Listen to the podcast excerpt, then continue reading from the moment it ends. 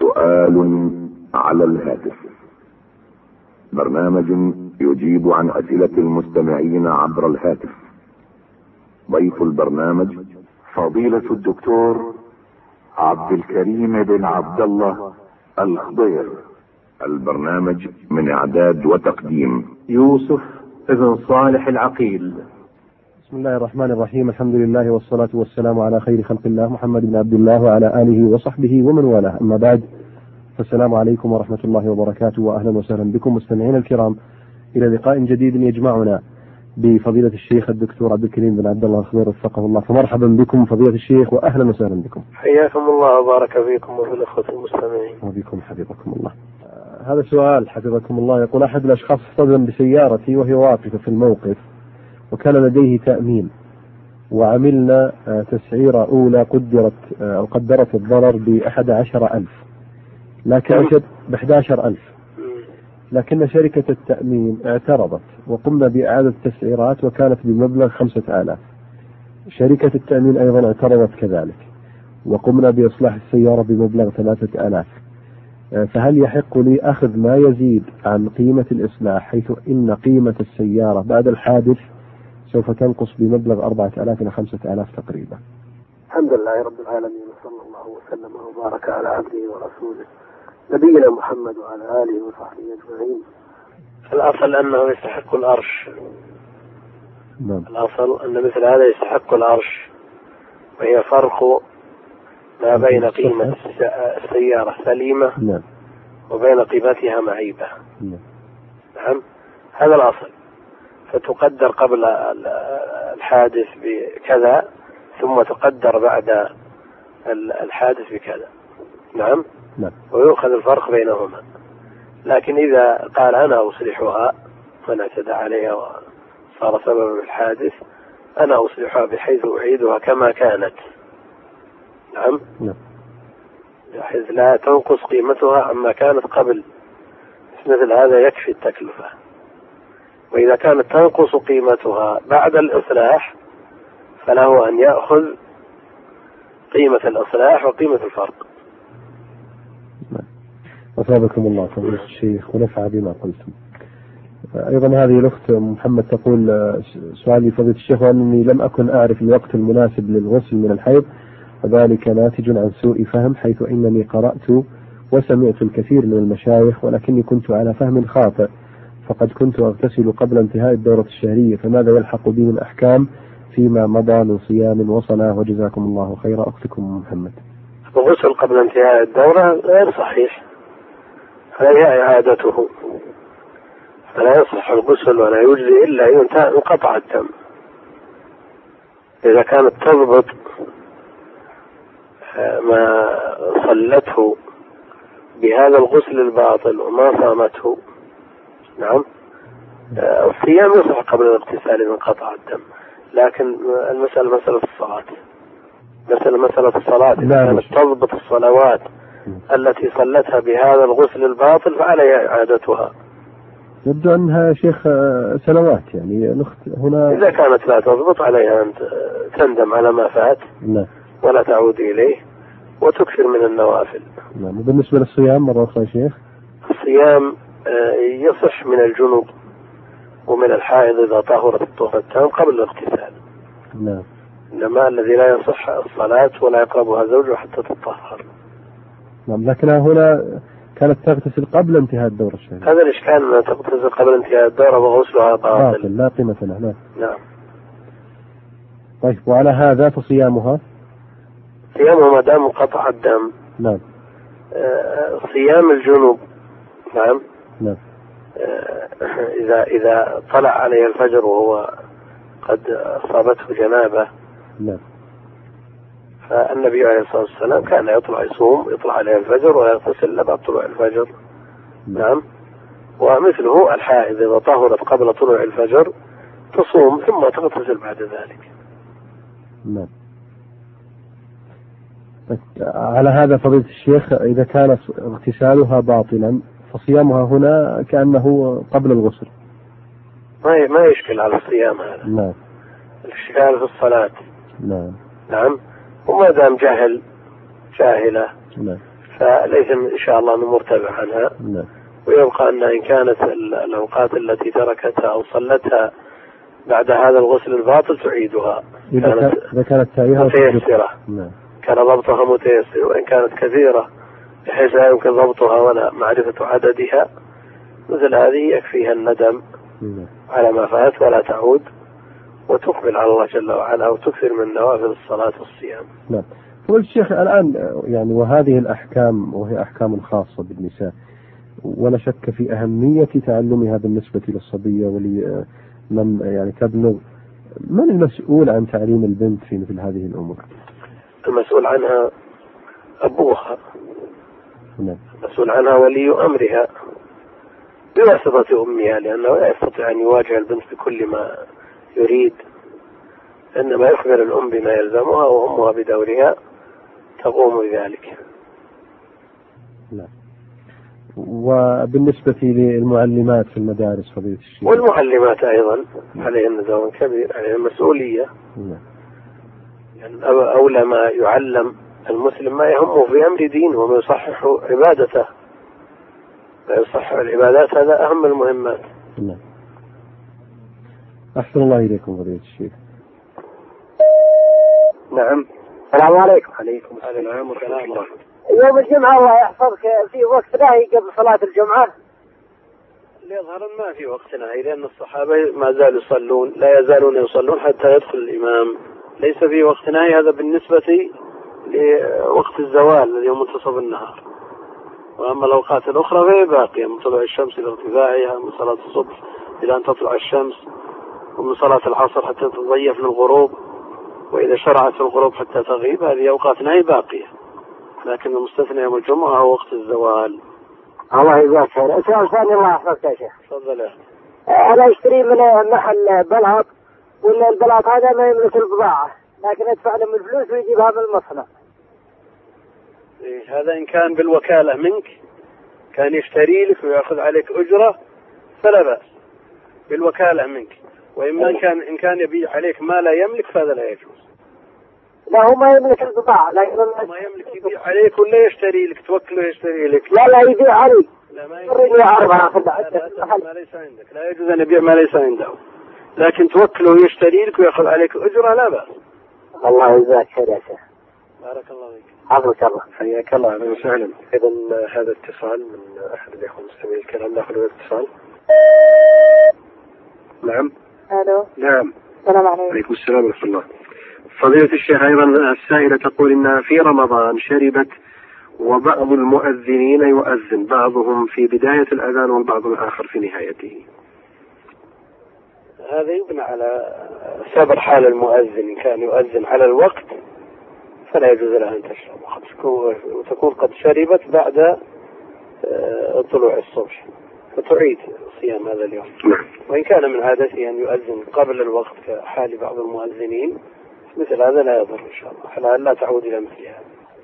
تقول الشيخ الأحوط أن تعيد هذا اليوم؟ والله على حسب حال المؤذن كان عرف من حاله أنه إن كانت لا تعرف يا شيخ. نعم. إن كانت لا لا تدري يعني هل هم. لا سيما إذا كان في آخر الأذان أو بعد الأذان مثل هذا الأحوط إعادة. الأحوط إعادة الصيام. فضيلة الشيخ السائلة أيضا نفسها تقول إنها آه، قبل آه، مر عليها شهران وهي آه، ولم تأتيها الدورة ثم رجعت إليها الدورة مرة ثانية. الشهران هذان توقفت فيها آه، في المدة المعتادة أن تأتيها الدورة فيه عن الصلاة. فأرشدوا حفظكم الله علم بأن سنها خمسون سنة. قل في هذين الشهرين حينما توقفت من كل شهر أسبوع نعم هل ينزل عليها شيء من الدم ولو خفيف؟ هي لم تنقل ينقطع شيء. تماما. يبدو إن شاء الله أنه موقفة تماما. لا تقضي تقضي. تقوي لا يجوز أن تتوقف إلا إذا رأت الدم. شكرا لك حفظك الله. أحسن الله إليكم. هذا الشيخ رقم هذا الاتصال. نعم. فضيلة الشيخ هذه سائلة تقول زوجة أخيها إذا حصلت مشكلة بينهم تشك بكراهيتهم لها وتعاملهم معاملة قاسية تقول إننا قاطعناها لهذا السبب. فهل نأثم في هذا؟ أولا زوجة أخي ليس لها حق عليهم. نعم. زوجة أخيها ليس لها حق عليهم إلا إذا كان هذا مما يسر الأخ. فهذا يكون من حق الأخ ويبقى أن الصلة هي الأصل بين المسلمين والمحبة أن تسود بينهم. هذا هو الأصل لكن إذا كان لا سبيل إلى ذلك فليس لها عليهم حق. ويبقى أن الهدية والكلام الحسن والمعاملة الطيبة هذا كله يزيل ما في النفوس إن شاء الله تعالى. فضيلة الشيخ أيضا السائلة تقول إنها تتحدث أحيانا مع بعض النساء فيسألنها عن أخيها. اللي ورد في السؤال السابق قبل قليل وهل هو عادل مع نساء؟ فتقول تخبر النساء بأنه ليس عادلا مع زوجتيه بل هو يعني مائل إلى الثالثة. فهل في هذا غيبة؟ هكذا تسأل. نعم إذا ذكرت أخاها بما يكره غيبة. نعم. هذه غيبة لكن يستثنى من ذلك إذا كان إذا كان من باب النصح وإخبار من يستطيع التأثير عليه. ومحض النصيحة له أو من باب الإدلاء بالشهادة عند القاضي ونحوه فهذا لا بأس به. وما عدا ذلك هو غيبة الله الضرر متحقق والنفع مفقود. حفظكم الله فضيلة الشيخ وجزاكم خيرا. نأخذ هذا الاتصال.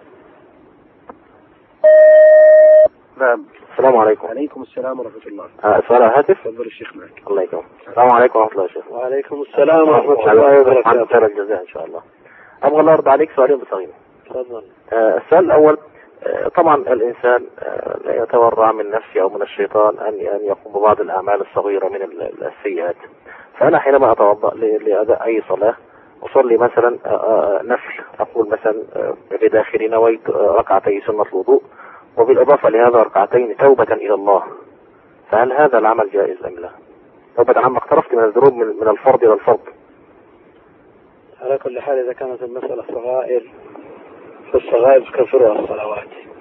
أي تكفرها الصلوات والجمعة إلى الجمعة ورمضان إلى رمضان آه، كلها مكفرات. واجتناب الكفا- الكبائر مكفر للصغائر.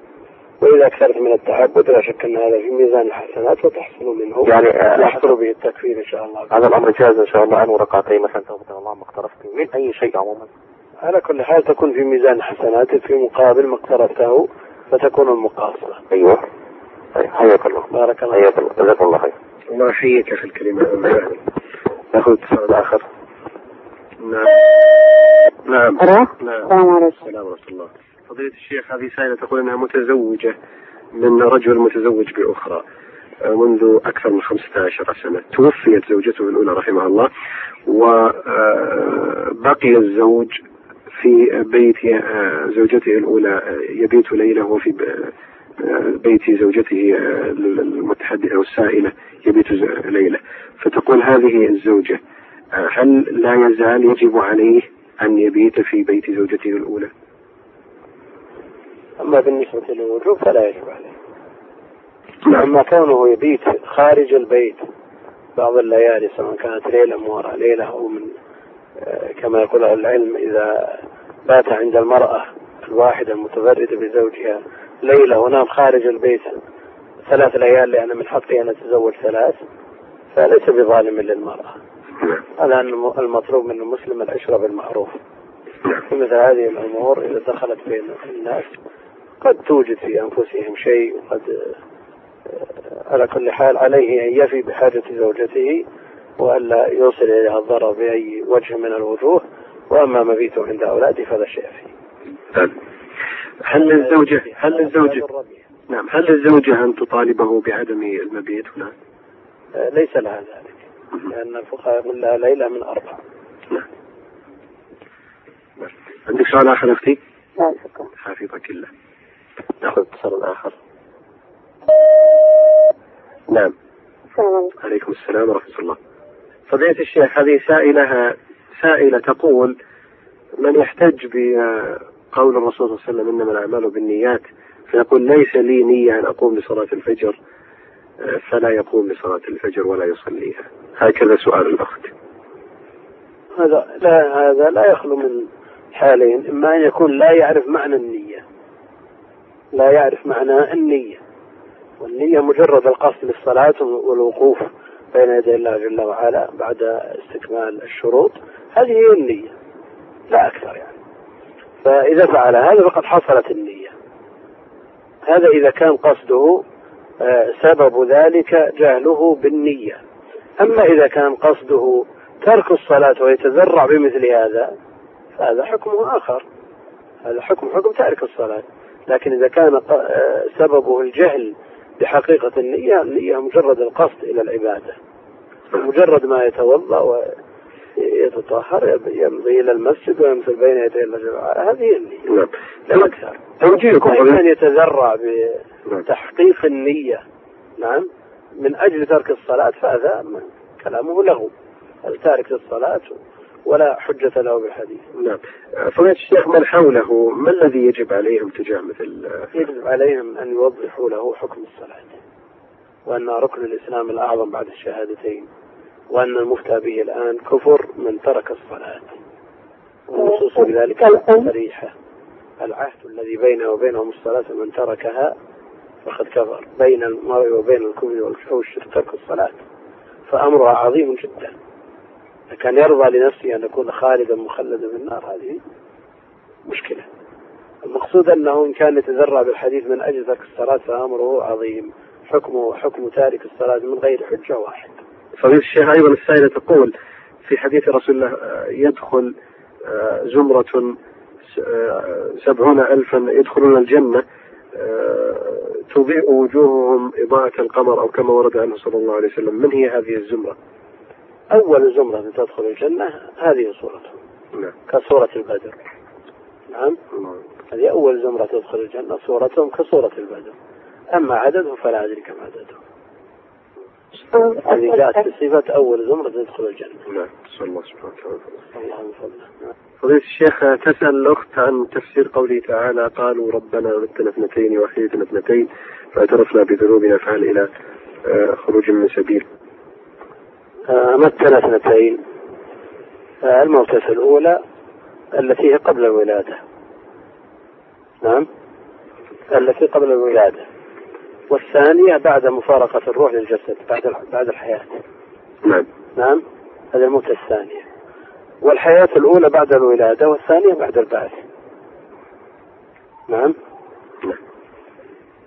الله يستقبل حفظك الله يا أختي الكريمة أهلا وسهلا. بهذه الإجابة مستمعينا الكرام نصل إلى ختام هذه الحلقة. نتقدم في ختامها بالشكر الجزيل لفضيلة الشيخ الدكتور عبد الكريم بن عبد الله الخبيث الذي أجاب على استفساراتكم الهاتفية. مستمعينا الكرام نلقاكم بإذن الله تعالى وأنتم بخير. والسلام عليكم ورحمة الله وبركاته.